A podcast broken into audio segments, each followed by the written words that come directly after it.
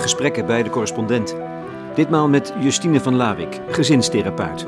Over conflictscheidingen, groepen ouders en kinderen uit de knel. Een conflictscheiding is een niet gelukte scheiding, want ze zijn nog de hele tijd met elkaar bezig. En misschien moeten we ze het helpen te scheiden en niet zo met elkaar bezig te zijn. En dat is parallelouderschap, noem je dat. Oké. Maar ja, het, het, helpt natuurlijk wel om in een groep te zitten, om naar de anderen te kijken die hetzelfde doen. Die, dat spiegelt elkaar natuurlijk. Ja, ja, we hebben echt voorbeelden. Een van de eerste groep was ook een mooi artikel in de Volkskrant bijlagen, waarin een moeder zegt, toen ik in die groep kwam, toen dacht ik al, de eerste zitting bij een moeder die ontzettend tekeer ging tegen haar ex. Oh, help, dat doe ik ook. dus de spiegel van de ander maakt dat je opeens jezelf ziet. Wat daarvoor niet lukte. Dus groepen zijn ongelooflijk krachtig. En dat geldt dus ook voor de kinderen. Dat vond ik fascinerend. Terwijl je dus aan de ene kant met twaalf ouders bezig bent. Justine van Lawik, gezinstherapeute. Met, ze is nu bijna 70, een indrukwekkend cv. Een rijk leven, om zo te zeggen. Ik voel me de laatste tijd eigenlijk heel vaak dankbaar. Ik denk, ik heb zo'n mooi, boeiend leven. En daar heb ik natuurlijk zelf wel dingen in gedaan. Ik maak ook zelf wel stappen daarin. Maar ik vind het toch ook wel iets wat ik gekregen heb. Ja. En dat komt dus pas op latere leeftijd. Hè? Dat is iets wat je nu hebt. Hoe komt dat dan? Wanneer komt dat er dan in? Ik heb het gevoel dat dat inderdaad levensfase is. Dat je zo terugkijkend, je hebt ook, krijgt ook een beetje overzicht over wat het leven te bieden heeft. En ik praat natuurlijk heel veel met mensen die het niet getroffen hebben en die eigenlijk heel veel verdriet hebben of tegenslag in hun leven. En dan komt soms, zonder dat ik dat bedenk, die dankbaarheid weer opzetten. Wat ben ik een geluksvogel. En dat terwijl ze het leed van anderen bepaald niet uit de weg is gegaan. Zo werkte ze, om maar één voorbeeld te geven uit dat rijke scala aan ervaringen, een tijdje vrijwillig in Roemenië na de val van Ceausescu. Dat is dus de wereld van de weeskinderen die vaak onder de bitterste omstandigheden hebben moeten zien te overleven. Ik heb daar ontzettend veel geleerd. Ik heb daar ontzettend veel geleerd over ook veerkracht van mensen, over hoe het is als je niet met elkaar mocht praten. Dus in het begin, toen ik daar les gaf, ik geef dan les, maar ik wil niet de expert zijn die alleen maar als een soort juf met een prachtige presentatie les. Dus ik zeg, nou ga daar nu eens in kleine groepjes over praten. En een dialoog met elkaar, dat kon absoluut niet. Dat gaf heel veel angst. Heel veel angst, want ze mochten nooit met elkaar praten. En psychologie was überhaupt verboden. Dus nadenken over jezelf mocht helemaal niet. Dus je, je had... Postcommunisme. ja, dus het was een totaal andere wereld waar je in kwam, maar waar je ook wel weer toch vrij snel, omdat er ook een enorme hunkering was, binnen kon komen. En ik heb natuurlijk daar ook met mensen die met die weeskinderen werken, maar ook wel met families waarvan de ouders wilden scheiden, die elkaar de tent uitsloegen, maar ze, woonden daar met z'n tienen op een flatje en ze konden helemaal niet weg, want ze konden niet naar een ander huis. Dus ik vond het een enorme confrontatie zo dichtbij. Ik heb ook van alles in Afrika gedaan, maar dit was zo dichtbij. En zo ongelooflijk anders. En ook wel weer de spiegel. Halleluja, wat hebben we het hier goed zeg. Wat hebben we hier een mogelijkheden en een vrijheid. En uh, dat vind ik trouwens nog. Ik kan wel mopperen over Nederland, maar ik vind dat we het heel erg goed hebben hier. De fez-se o pranto, e como bruma. En dus is Van Lawik nog lang niet klaar. Ze is inmiddels niet alleen bezig met een proefschrift, maar ze heeft zich ook samen met Margreet Visser vastgebeten in het fenomeen van de vechtscheiding of conflictscheiding. Die jarenlange vetes die over de hoofden van de kinderen heen worden uitgevochten tot in de rechtszaal. Met kinderen uit de knel hebben zij een methode ontwikkeld om die kinderen te steunen. En tegelijk ook de ouders een helpende hand te bieden. Want ze weet, de veerkracht van mensen is enorm. Dat is iets wat ze al meekreeg van haar eigen ouders. Mijn vader, maar mijn moeder ook, die hebben echt veel tegenslag gehad in hun leven. Namelijk? Mijn vader, zijn vader is acht keer getrouwd. Uh, dat is nogal wat, hè, in die tijd. En mijn vader is uit 1914, dus kan je nagaan en daarbij is die, uh, de tweede man van zijn moeder, die, die mishandelde die moeder heel erg. Dat heeft hij allemaal meegemaakt. Toen is hij heel jong, moest hij uit Indië weer naar Nederland bij zijn grootouders wonen. Als je dat leven allemaal zo volgt, toen is hij ook nog vrij jong zijn moeder verloren. Denk je, dat moet een doodongelukkig mens zijn. En als je nou een opgewekt iemand wilde tegenkomen, was het mijn vader. En mijn vader zei dus ook later in zijn leven: Wat ben ik toch een geluksvelgel? Wat heb ik toch een prachtig leven? Dus ik heb ook wel heel erg van hen geleerd om mij te richten op dat wat kan, wat op het landschap van de mogelijkheden. En niet te lang te vertoeven in dat wat tegen zit en wat verdrietig is. Want ik heb natuurlijk ook niet alleen maar mooie dingen meegemaakt, kan ik echt niet zeggen. Maar ik heb wel geleerd om, om veel te wandelen in het landschap van de mogelijkheden. En die ook te zien en daarvan te genieten. Ja, en dan is het des te leuker om te weten wat haar levensmotto is. Het staat boven een stuk waarin ze terugblikt op haar eigen rijke leven. Ever tried, ever failed. Try again, fail again, fail better. Beroemd citaat van Samuel Beckett. Waarin heeft ze dan zo goed gefaald? Ik ben in heel veel dingen goed mislukt. Ja. Heel veel dingen. Dus ik, ik, ik dat vind ik nou juist leuk. ja, ja, ik zeg ook altijd: als je niet kan mislukken, dan kom je niet verder. Dus als je het nou hebt over dat laatste project rond die conflictscheidingen, vechtscheidingen zeg ik niet meer. Heb ik met kinderen over gepraat, maar die houden echt helemaal niet van dat woord. Die zeggen ook, mijn ouders vechten niet, want die zien dan letterlijk voor dat ze elkaar slaan en over de grond rollen. Dus kinderen zeggen, maar die noemen het dan bijvoorbeeld een ruziescheiding. Uh, maar in dat laatste conflict, dat is uit mislukking ontstaan alleen al. Ik liep zo vaak vast met die mensen die elkaar kwelden, voortdurend in conflicten bleven hangen, mij daarin betrokken. En dat ik het gevoel had dat ik alles met al mijn ervaring en kennis en kunde inzette en dat we geen stap verder kwamen. En ook die kinderen die ik zag lijden, dat ik die ook niet hielp.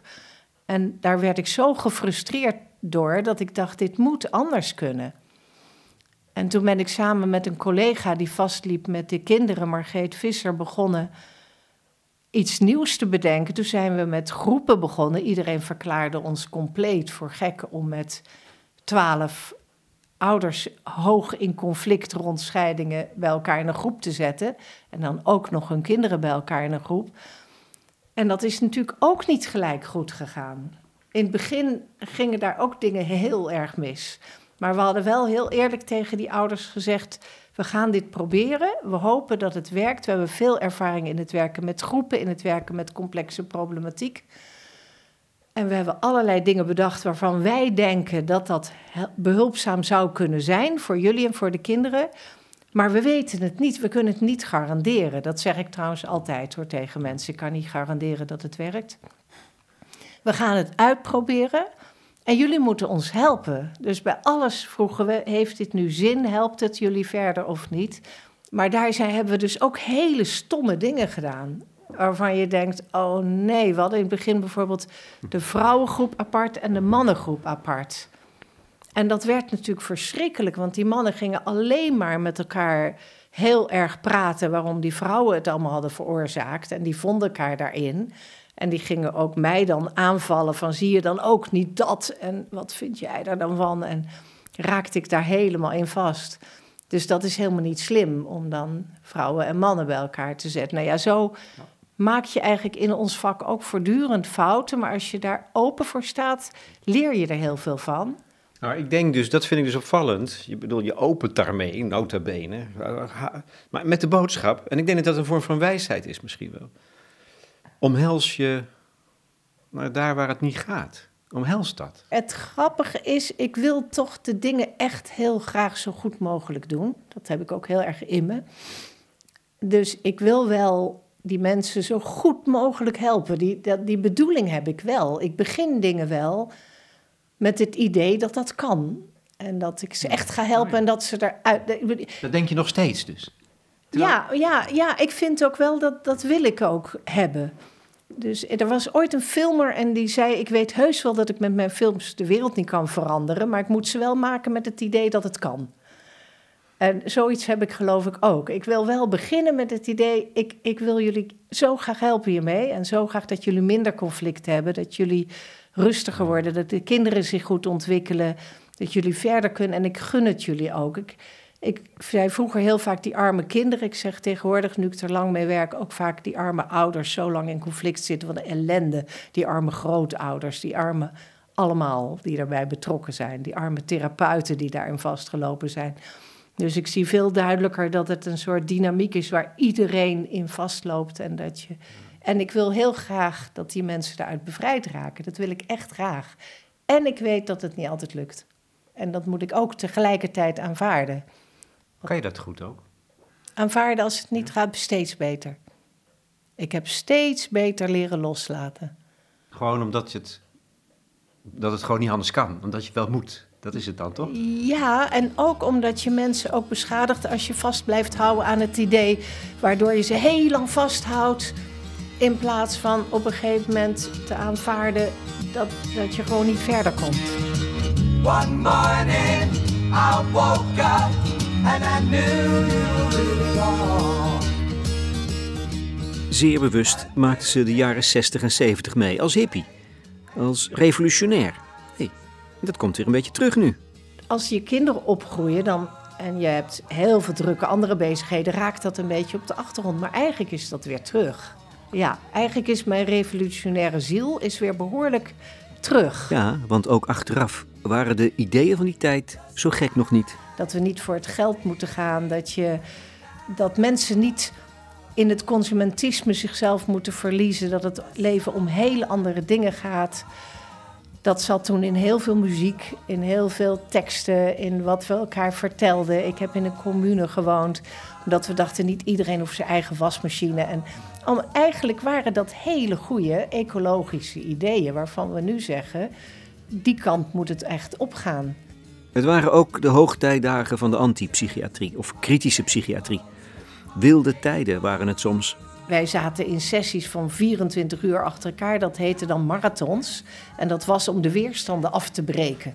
Echt letterlijk werd dat gezegd. Je moet de weerstanden afbreken en dan komt het ware diepe zelf naar boven met alle emoties. En er moest natuurlijk ook veel gehuild en geschreeuwd en woedend geworden zijn, want dat was het echte ware. En daar, hebben ook, daar zijn ook goede dingen uit voortgekomen, maar ook wel verschrikkelijke dingen. Mensen die echt helemaal decompenseerden en de weg kwijtraakten en psychotisch werden en heel moeilijk weer hun structuur terugvonden. Dus daar, dat heeft natuurlijk ook schade. Maar ik vind wel eens dat mensen dan heel veel de nadruk leggen op de schadelijke kanten daarvan. En weinig zien dat er in die tijd ook hele goede dingen gebeurd zijn. Die ook de psychiatrie veranderd hebben. Het hele systemische denken, het contextuele denken is toen ook begonnen. Waarvan ik denk, dat is nooit, dat is wel gemarginaliseerd en nu komt het weer meer terug, maar het is nooit helemaal meer weggegaan. Het is zo zonde dat we kennelijk toen heel veel durfden. En daarna teruggeschrokken zijn of zo. Alsof we, alsof we bang zijn geworden daarna. Waren die experimenten te groot? Hebben te, wilden we ineens te veel of zo? Misschien wel, misschien wel. Misschien, kijk, er zijn natuurlijk wel toen ontzettend veel structuren aangetast. Hè? Alles in één keer. Alles, gezagsstructuren, de psychiatrie, het was van mens tot mens. Het is maar een toeval dat jij bent opgenomen en ik niet, had ook andersom kunnen zijn. Al dat soort dingen. Dus het had ook wel iets grenzeloos. En dat was natuurlijk ook op alle vlakken. Hè? Dat was in de universiteit, dat de professoren opeens ook helemaal niet meer met respect bejegend werden.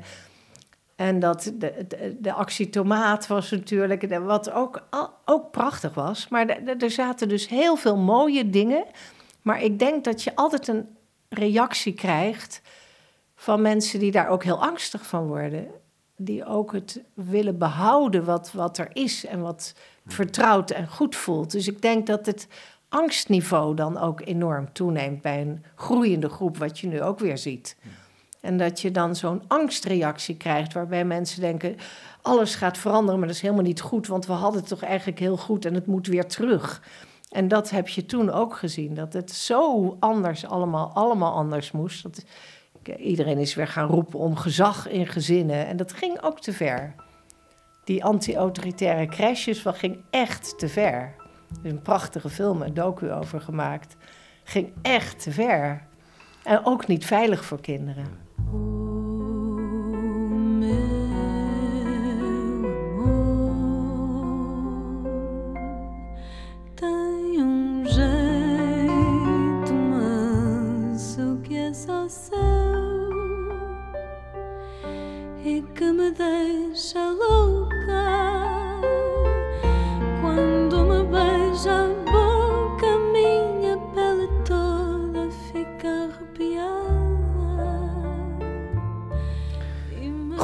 Het gezin. Als bron van geluk of ellende. Ehm, geloof jij in het systeem van het gezin? Dat vind ik een onmogelijke vraag. Het is er. Het is er. Mensen zijn existentieel relationele wezens, zullen elkaar altijd opzoeken, zullen altijd samenwoningslevingsverbanden zoeken. Dus het is voor mij niet een vraag of ik erin geloof of niet. Ik geloof wel dat mensen existentieel relationele wezens zijn. Ik geloof wel dat uitgestoten worden, eh, eenzaam zijn, eh, heel afschuwelijk is. Dat geloof ik. Dat is echt lijden, uitgestoten worden uit de groep. Voor mensen is echt, niet alleen voor mensen, maar voor mensen is ook lijden. Ja. Hoe komt het nou dat die liefde waar het mee begint zo kan omslaan? Dat je denkt, dit kan niet. Ja. Het, het, het andere uiterste opzoekt, daar moet toch een verklaring voor zijn? Ja, ik denk dus dat de wereld zich zo heeft ontwikkeld dat mensen eigenlijk steeds meer van het leven zijn gaan verwachten. Dat het aanvaarden, daar heeft Dirk de Wachter het veel over, en anderen het aanvaarden dat het leven ook pijnlijk is en verdriet met zich meebrengt en narigheid en dat dat er gewoon bij hoort. Dat dat steeds minder erkend is en steeds minder plek heeft gekregen. Met het gevolg dat mensen die een, een liefde hebben, eigenlijk ook verwachten dat dat dus geweldig is en fantastisch. En dat je samen van alles meemaakt. En dat, er, dat het spannend is en dat het spannend blijft. En, en het mag niet saai zijn. En dus er wordt ontzettend veel van de liefde verwacht, vind ik. En eh, Veel te veel dus. Ja, ja, ik vind dat er veel te veel van de liefde wordt verwacht. Waardoor ook de druk op partners en dus ook op elkaar zo groot is. Want die ander moet dus ook op de een of andere manier blijven leveren. Dus ook als je niet oppast, is een, een liefdesrelatie ook een product geworden wat jou moet geven wat je nodig hebt. Zoals een vakantie moet opleveren wat beloofd was. Dus als dat erin is gekomen, dan wordt het ontzettend moeilijk. Want dat kan namelijk volgens mij niet. Je, je komt altijd dingen tegen dat je teleurgesteld bent, maar ook in jezelf dat je een rotbui hebt, of je hebt het even, of je hebt er gewoon geen zin in, of je wil helemaal niet praten. En dus die, die narigheid die in elke relaties, maar ook tussen ouders en kinderen zijn, die hebben te weinig plek. Dus ik, ik denk ook in bladen, als het dan gaat over hoe hou ik mijn relatie levend, dan krijg je ook allemaal tips en tops. Hoe je leuke weekendjes tijd voor elkaar en niet alleen voor de kinderen. Het zijn altijd dezelfde tips en tops. En dat suggereert een soort maakbaarheid van een gelukkige relatie als je er maar aan werkt. Ik heb ook een beetje een hekel aan eh, liefde is een werkwoord als uitdrukking. Ik denk, nee, ja, ah, alsof je als je er maar aan werkt het goed kan houden. In plaats van te accepteren dat het gewoon ook af en toe pijn doet en niet fijn is en dat dat erbij hoort en dat er dan ook wel weer goede periodes aankomen, eigenlijk meestal wel. Maar als het dat dan toch een beetje leeg bloedt, waarom slaat het dan in, in een deel van de gevallen dan zo om in het andere uiterste? In die, in die, die, die hardnekkige, verbeten haatgevoelens. Ja, ik geloof dat, dat als je eenmaal daar heel erg in zet, zit, loopt dat ook door in de scheiding. Dus mensen vinden het ook vaak toch moeilijk om te scheiden. De meeste mensen, ik ben natuurlijk zelf ook gescheiden en ik kan me nog herinneren dat ik me ongelooflijk schuldig ook voelde. Ook sowieso als relatie- en gezinstherapeut. En nu gaat ze zelf uit elkaar. Dat kan toch eigenlijk niet? Zij moet toch weten hoe het werkt. En ik heb ook heel lang geprobeerd vol te houden met het idee over alles wel wat. En, ehm, dus je voelt je slecht over jezelf, over, over dat het mislukt is. Eh, oh, tegenover je kinderen, tegenover de familie, tegenover vrienden. En dat, dat gevoel is een akelig naar gevoel. En dat vertaalt zich nogal gauw in. Maar dat, het, dat kwam ook eigenlijk omdat. En dan ga je al gauw naar de ander wijzen. Dan ga je al gauw om je eigen nare gevoel weer een beetje te verzachten. Legitimeren waarom dat toch een onvermijdelijke stap was of zo. Als je zelf de stekker eruit hebt getrokken. Of als de ander de stekker. Want die conflictscheidingen is vrijwel altijd natuurlijk dat één van de twee de stekker eruit heeft getrokken en de ander dat eigenlijk niet wilde. Dus dat is ook heel pijnlijk. Ik bedoel, afwijzing is natuurlijk ook ongelooflijk pijnlijk. En die, die ander gaat natuurlijk ook heel erg wijzen naar degene die de stekker eruit heeft getrokken. En dus dat is ook eigenlijk het niet kunnen verdragen dat dingen ook gewoon vast kunnen lopen. En dat het soms echt, echt op is. En ik denk op het moment dat mensen dat kunnen verdragen, dat het ook niet zo'n hoge conflictscheiding wordt. En dat is ook waar Chaim Omer veel over heeft geschreven met Nacho Alon. Die noemt dat ook dat daar de demonisering vandaan komt. Dat als je dus denkt dat de wereld maakbaar is en je er alles aan kan doen. En, dat, en, en er gaat iets fout, dan moet dat buiten mijzelf liggen. Dus dan heeft die ander dat gedaan. Dat kan bijna niet anders. Dus de mensen die bij ons komen, ook die wij zeggen: wij willen met jullie kijken wat je zelf anders kan doen om, om het weer beter te krijgen voor de kinderen en voor jezelf. Die zeggen ook altijd: ik zou niet weten wat ik anders kan doen. Ik heb alles geprobeerd. Dus die hebben ook dat gevoel: het ligt niet aan mij. En als het wel aan mij zou liggen, dan is dat misschien wel onverdraaglijk. Dus het gaat. Ja, want daar, dat, Ja. Dat, dat dacht ik namelijk ook. Een aspect daarvan is, het is verlies. Iedereen Ja. lijdt verlies. Ja. Dus je moet dat ook weer, eh, omdat het verlies nou eenmaal, dat past al helemaal niet in onze tijd. Dan hebben we het niet goed gedaan. Dat kunnen we niet goed accepteren. Dus je moet ergens ook winnen. Dus ik Ja. denk dat als je, als je eenmaal in dat proces zit, dan mag je dus niet meer opgeven, want dan verlies je nog een keer. Ja. Dan verlies je namelijk ook de strijd. Ja, ja dus je, daar zit ook iets in van niet kunnen verliezen en doorgaan. Ja. En dan maar eind, en dan steeds verbeteren. Want anders, anders moet, je, moet je nog een keer toegeven. Ja, dat klopt. En dat gaat heel ver door.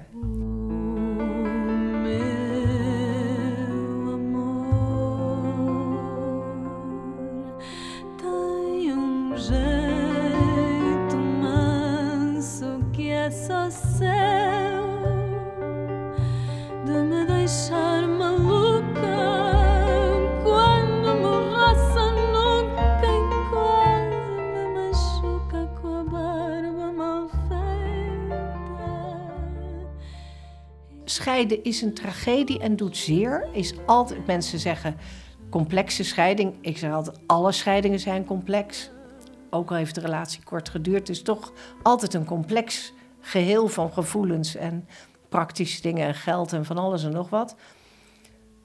Maar er is ook een leven na de scheiding. We moeten het ook weer niet tot het grootste drama van de wereld maken. Nu we allemaal zo oud worden, ongeveer de helft van de mensen scheiden. We moeten ook weer niet zeggen, is enorm, want er is echt een goed leven mogelijk na de scheiding. De helft van de mensen? Bijna de helft. In, nou ja, in België is het al 57% geloof ik. Daar is het normaler om te scheiden dan om niet te scheiden. En nu we zo lang leven en relaties zo lang duren, kan je ook zeggen: wat een wonder dan nog zoveel mensen bij elkaar blijven. Dat zeg ik vaak. Het is toch een wonder dat je dag en nacht en kinderen opvoeden en vakanties en geld delen en de hele management en de liefde en de seks en alles voor weet ik wat. Dat is dan tegenwoordig soms wel 80 jaar of zo. Het, het is toch een wonder.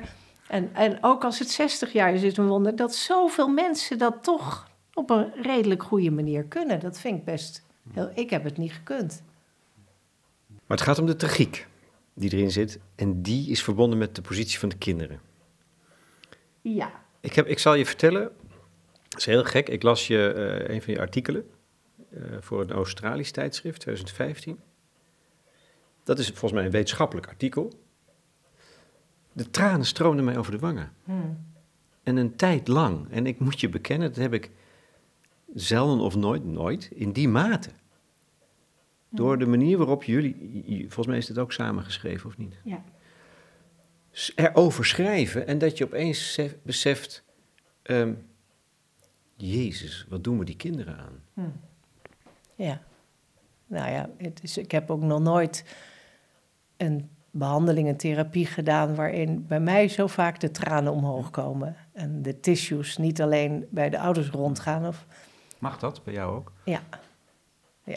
Ik heb er ook nog nooit kritiek op gehad van de ouders. Die, integendeel. Die zien dat ik daar ook geraakt word en dat ik dat... dat- ja.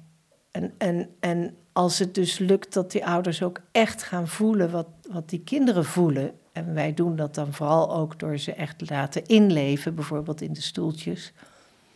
Ja, dat is, dat is een cruciaal moment. Ja. Ja. Ja. En er zijn ook echt... Kan je het beschrijven, nog even besch- beschrijven? Want wat, waar, wat, wat jullie doen dan eigenlijk? Wat jullie vragen? Nou ja, we hebben dus gedacht, de ouders die bij ons komen hebben vaak al mediation gehad, heel veel adviezen gehad, misschien ook boeken gelezen over goed scheiden en alles. En dat heeft ze eigenlijk niks gebracht, behalve meer strijd, omdat ze vinden dat die ander zich niet aan de tips houdt. Dus wij dachten, we moeten iets anders doen. We moeten niet die ouders les gaan geven over goed scheiden, want dat werkt dus niet. en dat draagt ook enorm bij aan de conflicten soms. Dus hoe, wat kunnen we nou anders doen? En wij dachten, we moeten ook het lichaam, het gevoel en de ervaring er veel meer in betrekken. En wat ervaren die kinderen eigenlijk als die ouders het alsmaar niet eens zijn? En die, hoe kunnen we die ouders ook op die manier dingen laten ervaren? Hoe, wat er met kinderen gebeurt in die situatie. Want ze zitten zelf in een soort tunnelvisie. En ze hebben niet het vermogen om zich te verplaatsen in de positie van hun eigen kind. Dat is... Nee, en, en eigenlijk zijn die ouders vaak zelf ook heel erg geraakt door heel veel dingen. Dus som, misschien zijn ze zelf ook wel kind van ouders die gescheiden zijn. Dus er speelt vaak. Dus wij proberen die ouders ook heel erg te dragen en te steunen en niet, niet te bekritiseren, want dat voel ik ook niet. Ik voel ook echt dat ik die ouders wil helpen om zelf ook weer meer rust te krijgen en uit, dat, uit die conflicten te komen en dat het ook voor die kinderen weer beter wordt. En het helpt gewoon om dan ook in de ervaring te gaan zitten en dingen te gaan doen. En dat ze ook zich inleven hoe het is als kind in die positie, als er ouders over je hoofd heen strijden. Maar jullie dwingen ze letterlijk in die positie. Dat is volgens mij, of dwingen.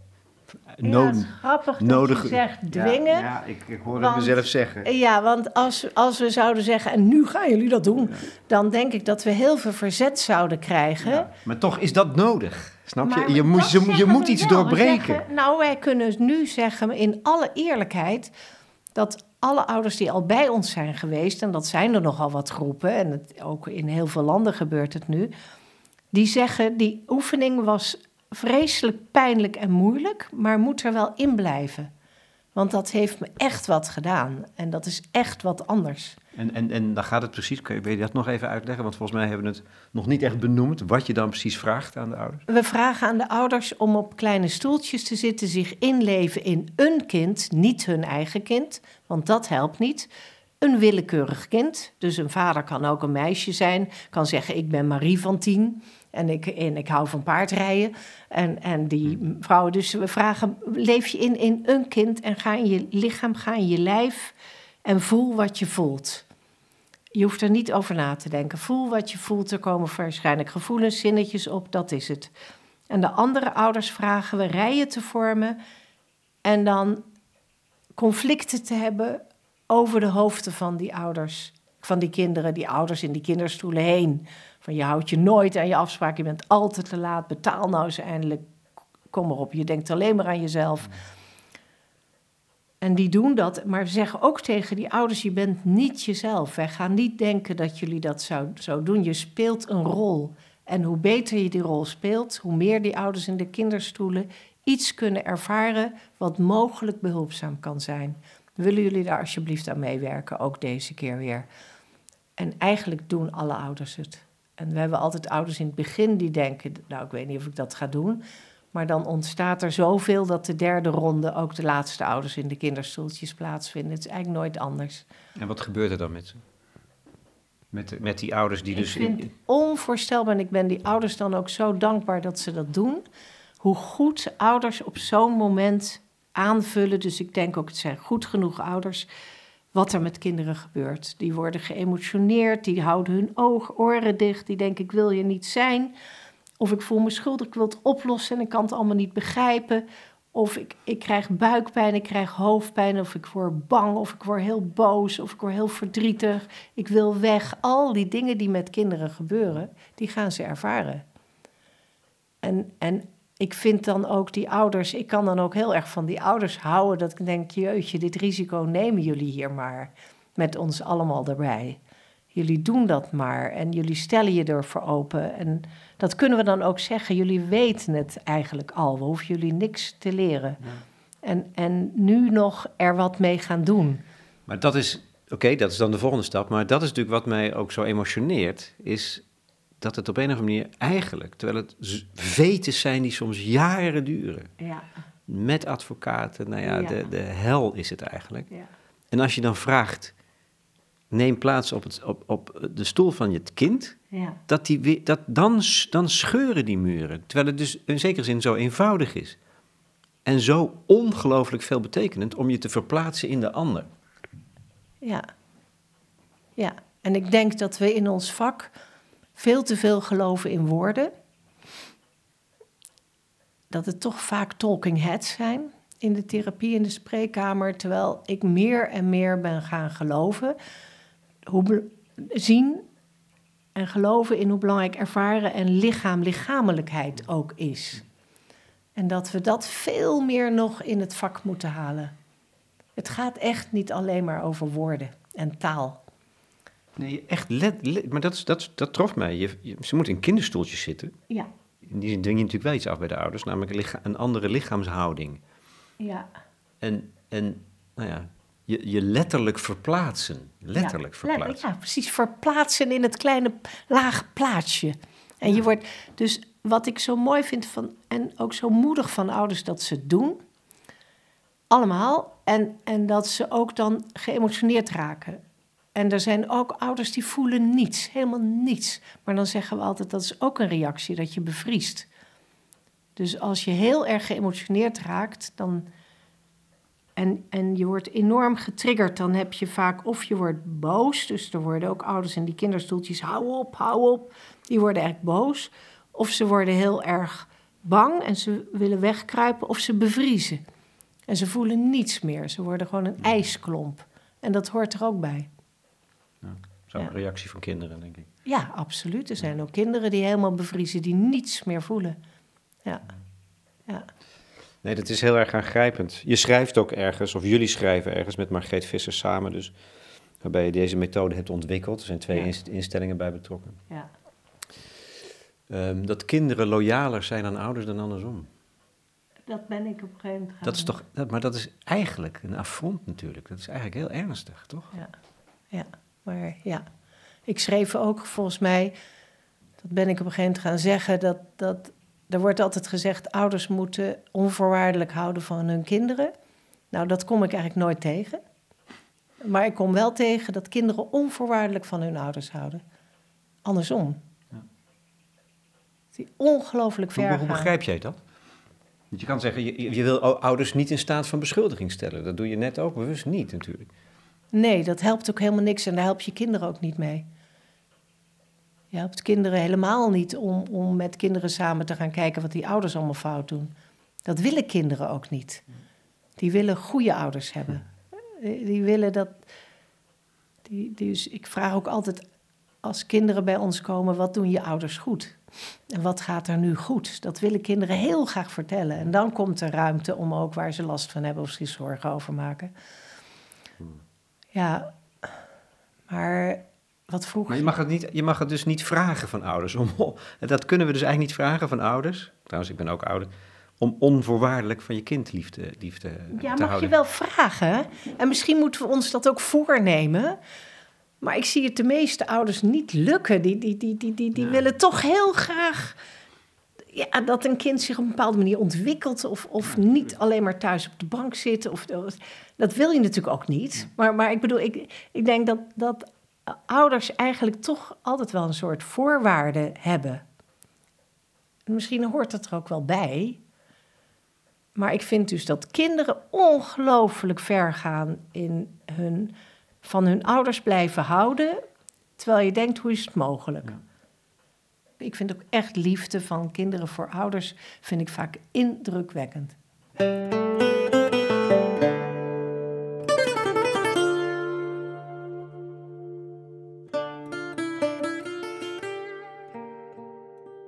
Die kinderen hebben een rol in jullie manier van werken, jullie methode, die in ontwikkeling is trouwens, die niet af is. Dat zei je natuurlijk ook al. dat hij nooit af is. ik, eh, ik ben van, eh, maak het nooit af. Ja. En dan gaat het dood. Dus eh, het is altijd in ontwikkeling. Overigens, het helpt niet in alle gevallen. Zo nee, eerlijk. tuurlijk niet. Nee. Ja, natuurlijk niet. Dit klinkt als, als de oplossing. Ja, helaas denken mensen dat soms, maar dat, dat, dat is natuurlijk niet zo. Er is in mijn vak niks wat. Dat is trouwens in de medische wetenschap net zo. Hè? Als je komt bij complexe problematiek, of het nou psychisch of lichamelijk is, is er altijd een groep die niet geholpen wordt. Dat heb ik ook veel meer leren aanvaarden. En, en soms zijn we eindeloos bezig en aan het modderen en het helpt niet. En die man blijft maar woedend. En, en dan, die vrouw is weggegaan, misschien wel met zijn vriend of zo. Dat zijn ook soms hele pijnlijke. En die man, is heel, en die man die krijgt op een gegeven moment een nieuwe vriendin. En opeens lost het zich op. En dan hebben wij misschien al twee jaar ontzettend ons best zitten doen met nauwelijks succes. En hij krijgt een nieuwe. Dus ons vak is het ook niet altijd. We moeten dat ook niet overtrekken. Dat is één. Ehm, dan zou je het graag willen. De kinderen hebben een rol. De- de- die- Een van de eh, s- eh, regels is dat je in groepen werkt, niet met twee ouders apart. Nee. Nee, want dan, zit, je- dan blijf je in die, in die, in die, in die eh, loopgraven zitten natuurlijk. Nou ja, en die ouders die bij ons komen, die moesten vaak samenkomen. Die horen de hele tijd dezelfde regels. Je kan scheiden als partners, maar je blijft ouders en je moet een goed team vormen. Dus die zijn de hele tijd, ook in de hulpverlening vaak, bij elkaar gezet. Jullie moeten samenkomen, je moet communiceren. Als je samen ouder wil zijn, dan moet je ook communiceren. Wordt ook in de rechtbank vaak gezegd. Terwijl die ouders misschien elkaar nog zoveel pijn doen en ze elkaar zo triggeren dat als ze bij elkaar zitten, dan krijgen ze ontzettend veel conflicten en dan doet het zeer en dan worden ze wel boos op die ander. En dan dragen we als hulpverlening misschien met onze illusies, dat alle ouders dat kunnen, dragen we wel aan de ellende bij. Want ook wij hebben van die maakbaarheidsprofessionele illusies, die we vooral niet te veel moeten hebben, want dat helpt niet. Dus wij hebben gezien, en in die groep verdunt dat. Hebben mensen altijd ook wel weer maatjes en dat verdunt en dat werkt wel. Maar de uitkomst is ook vaak dat ze elkaar beter leren loslaten. En dat geldt dus ook voor de kinderen, want dat vond ik fascinerend. Terwijl je dus aan de ene kant in ene met twaalf ouders bezig bent. In, in de ruimte ernaast zijn twee andere therapeuten met twaalf, of nou ja, even zoveel of meer kinderen bezig. Ja. En die hebben een belangrijke rol, volgens mij. Een hele belangrijke rol. Dus dat die kind, we beginnen ook met ouders en kinderen samen. Dus dan hebben we twaalf ouders, ongeveer twaalf kinderen. En dan de vier therapeuten. Dus dat is een lekkere volle kamer. En dan doen we iets speels, zoals bellen blazen of weer berichten. of we doen, daar wordt ook altijd gelachen.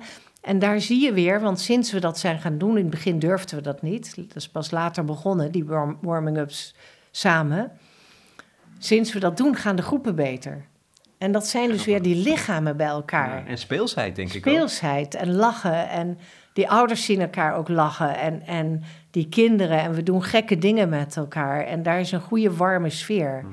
En die kinderen zien ook die ouders weer lachen. En wat vraag je van die kinderen? Nou, die kinderen hebben veel aan het lotgenotencontact. Dus daar is hetzelfde. De spiegel van de anderen en het we praten en, en we doen dingen. En ze willen ook, die kinderen willen heel veel spelen en los zijn en plezier maken. Ze mogen bij ons een goede tijd hebben. Maar we maken ook echt ruimte om het te hebben over de lastige thema's. Wat niet fijn is. En de loyaliteitsthema's en al dat soort dingen maken we in die kindergroep ook echt ruimte voor. En dat die kinderen ook een beetje een verhaal kunnen gaan maken, dat hebben ze ook nodig. Ze zijn vaak heel erg in de war over wat er eigenlijk allemaal gebeurd is. Kinderen hebben ook een verhaal nodig dat ze kunnen vertellen. En die kinderen maken een presentatie waarin ze aan de ouders laten zien wat zij ervaren als kind van ouders die het zo vaak niet eens zijn. En daar hebben we de meest prachtige presentaties van. En dat is ook altijd heel indrukwekkend. Dat doet veel met ouders, maar het doel is dat die kinderen hun stem vinden, het naar buiten ook zelf helder krijgen, wat ik ervaar ik eigenlijk, waardoor hun veerkracht ook heel erg vergroot wordt. Ja, Dan mogen ze er zijn. dan mogen ze er zijn. En die helpen elkaar natuurlijk ook heel erg daarmee. Ja, want er is zo'n tekening die ik langs zie komen van een kind dat zichzelf tekent. Terwijl aan de ene kant en aan de andere kant een ouder staat te trekken Ja. alsof ze uit elkaar gescheurd worden. Ja. Maar ja, dan, dan is het, dat is dus niet een plek om er te zijn. Zou ik zeggen. Nee. En dan kan zo'n kind ook zelf zeggen, zo voel ik me vaak. En, en dat kind tekent ook de ouders als een soort spoken bijna, als een soort geesten die opgesloten zijn in hun eigen wereld. Dus dat is ook de beleving van dat kind. Dus kan ook wel voor ouders soms heel confronterend zijn hoor.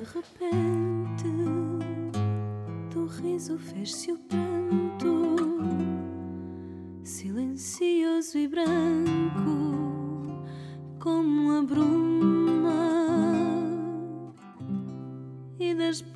unidas. Hoe zit het eigenlijk met het juridische? Ik kreeg een brief van een, van een arts die in zo'n conflictscheiding zit. Althans, zijn nieuwe partner met haar ex. Zes jaar lang, wanhopig. Die schrijft mij vandaag een brief over, want die wist dat ik met jou ging praten. Dat hij enorme twijfels heeft over de kwaliteit van hoe dat proces verloopt. Vanuit de, de, de, de raad en de rechters. En hij heeft iets als waarheidsvinding en zo. Hij heeft daar een, heel, een zeer lage pet van op. Hoe zie jij dat? Nou, ik denk dat we ontzettend moeten oppassen ehm, om elkaar te gaan beschuldigen in de hulpverlening. Dus wat je ziet is dat dit zijn processen waarin iedereen iedereen gaat beschuldigen. Dus je ziet ook hulpverleners onderling vaak zeggen, die doen het helemaal verkeerd. En daar hou ik niet van. Ik denk, niemand zit in ons vak om rijk te worden, weet ik het wat. Iedereen doet het met, vanuit zijn goede hart, omdat je mensen verder wil helpen. Mensen ook in de raad hebben hartstikke zwaar werk. Met hele zware. En proberen dat zo goed mogelijk te doen. Dus ik hou ervan om ook mijn collega's te benaderen als. Hoe kan ik je helpen? Hoe kan ik je steunen? Hoe kunnen we samenwerken? En niet mee te gaan praten over. Oeh, die doen het allemaal zo slecht. Daar hou ik gewoon echt niet van. En ik denk ook. Wij kunnen het ook niet altijd goed. En zij kunnen het ook niet altijd goed. En dat is de tragiek. En dat hoort bij ons vak. Maar hoe kunnen we elkaar steunen om verder te komen? Hoe kunnen we samenwerken? En met zo'n vader zou ik ook nieuwe partners betrekken wij er ook bij. Hè? Wij betrekken in ons project ook het netwerk, omdat we erachter kwamen, en daar heeft Margreet mooi onderzoek bij gedaan, achterkwamen hoe belangrijk het netwerk is. Dus nieuwe partners, maar ook grootouders, maar ook vrienden en anderen zitten er ongelooflijk in. En die spi- strijdspiralen, die gaan overal in door. En, en waarom het juridische is belangrijk, maar wij zeggen, als je met ons gaat werken, dan is het juridische gestopt of onhold. En onhold kan altijd. Het is geen strafrecht, het is burgerrecht, het is familierecht. Mensen kunnen dat ook ten alle tijde stoppen, staat ten dienste van de burger. Dus ze kunnen, en wij hebben heel veel overleg met rechters ook gehad en nog. Ehm, dus we, we, die snappen dat ook en die werken daar ook aan mee. Dat ze gewoon even niet naar de rechtbank kunnen als ze bij ons komen, want dat gaat niet samen.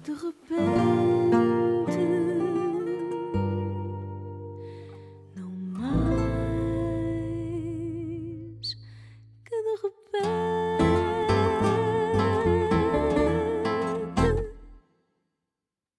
En dan tot slot, hoeveel, hoeveel kunnen jullie eraan? En hoe, hoe groot is de methode? Hè? Is dit iets dat gewoon uitgerold moet worden over heel Nederland en over de hele wereld? Of is dat veel te makkelijk? Want daar gaat 50 jaar, 60 jaar levenservaring in zitten om dat goed te doen. Dat vind ik een mooie vraag, maar het gaat eigenlijk al harder dan we af en toe zelf aankunnen. Dus in Nederland zijn er geloof ik nu 20 centra. En je ziet wat je bij veel ontwikkelingen ziet toen we ermee begonnen in 2012, denk ik, maar kort geleden. Toen was er een hype. Dit is iets nieuws. Wat jij ook hebt, dat raakt. Dit is mooi, dit gaan we doen. Eureka. Ja. Eureka, dit gaan we allemaal doen. En een enorme hype. En dat is natuurlijk alweer een beetje realistisch geworden, omdat een heleboel mensen inderdaad ook die groepen starten en zeiden: Poeh, dit is niet niks. En misschien wel omdat ze nog te weinig ervaring hebben of ook moeten ontwikkelen. Er zitten natuurlijk ook mislukkingen bij. Ze krijgen de groepen niet vol. Ze gaan met een te kleine groep werken. Alle kinderziektes die je hebt als je iets nieuw. En daarom zeg ik ook altijd: je moet mogen mislukken, alsjeblieft. Anders werkt het überhaupt niet. Eh, en er zijn centra die het volhouden en die echt het hartstikke goed doen. En waar het echt een onderdeel van het aanbod is geworden. En dat is echt best in veel plekken in Nederland zo. Met, met dips en, en tops, dat hoort erbij. Maar het is nu heel veel in Duitsland, heel veel in Scandinavië. Het is in Estland, het is in Tsjechië, het is in Italië. En we kunnen eigenlijk de aanvragen niet aan. Dus het is wel ook iets wat ook in andere plekken herkend wordt als iets waar veel mensen in vastlopen. Dit geeft, geeft ook wel nieuwe mogelijkheden. Ja, Dat is toch fantastisch? ja, dat is geweldig. ja. En af en toe maakt het me ook een beetje onrustig. Dat ik denk, oh jee, als dit maar goed gaat. Zo, zoiets wat zo de wijde wereld ingaat. Nou hebben we in mei in Italië komen we met zeven, acht verschillende nationaliteiten drie dagen bij elkaar. Waar de mensen die dus al behoorlijk lang dit doen in allerlei landen bij elkaar komen om met elkaar te praten, ook over culturele verschillen. Maar ook dat zij supervisor worden om het verder in hun landen. Want wij kunnen niet blijven reizen. Dat wordt veel te veel. Dus dat vind ik dan wel weer heel fijn. Dat ik denk, die groep wordt, die het echt gaat dragen, wordt steviger en internationaler. En we hebben van het begin af aan altijd onderzoek daarbij gedaan. En dat breidt zich ook uit. Want begrijp ik nou goed, ik geloof, je zei, je bent van 1950. Ja. Ga je, ben je nu bezig met een proefschrift te Ja. schrijven? Je, hebt- ja, dat begrijp je goed, ja. ja. je weet niet van ophouden, hè? Nee, nee, nee. Ik heb echt nog de energie en ik heb er zin in. En het gaat, hier, het gaat heel over hierover, neem ik aan, of niet? Dat proefschrift. Ehm, of niet? Is dat niet Het is een heel apart internationaal programma, maar dat is weer een heel Ja. verhaal, dat ga ik niet vertellen. Maar, maar eh, in ieder geval, ik heb twee supervisors, waarvan dus ook hoogleraar en één is van Art and Performance en de ander New Leadership en de ander Systemic Practices. Dus ik krijg hele verschillende voeding. Ik ben allemaal stukken over quantum fieldtheorie aan het lezen die ik opkrijg, dus ik studeer ook weer. Eh, ik vind het ongelooflijk leuk, moet ik zeggen. En mijn eerste onderzoeksvoorstel is eigenlijk alweer helemaal voorbij. En ik zit nu in een nieuw onderzoeksvoorstel. Wat heel erg gaat over dat we het lichaam vergeten zijn in ons vak. En hoe we het lichaam er meer in kunnen brengen weer. En hoe belangrijk dat is. Dus dat zit wel in kinderen uit de knel, maar is breder dan dat. Try again, Ja, fail again, fail better. Ja, dat is het, ja. Dankjewel.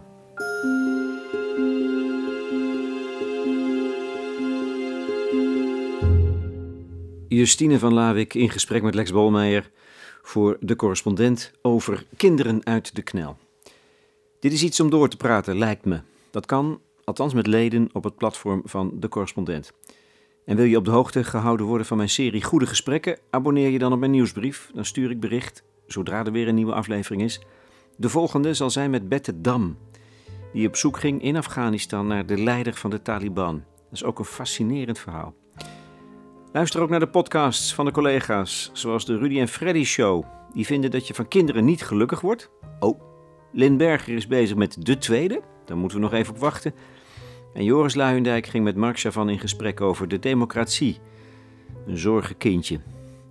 De muziek tenslotte, die ik gebruikte in dit gesprek met Justine van Lawik, was van Fado-zangeres Christina Branco. Wat is Fado tenslotte anders dan uitgezongen weemoed en verdriet?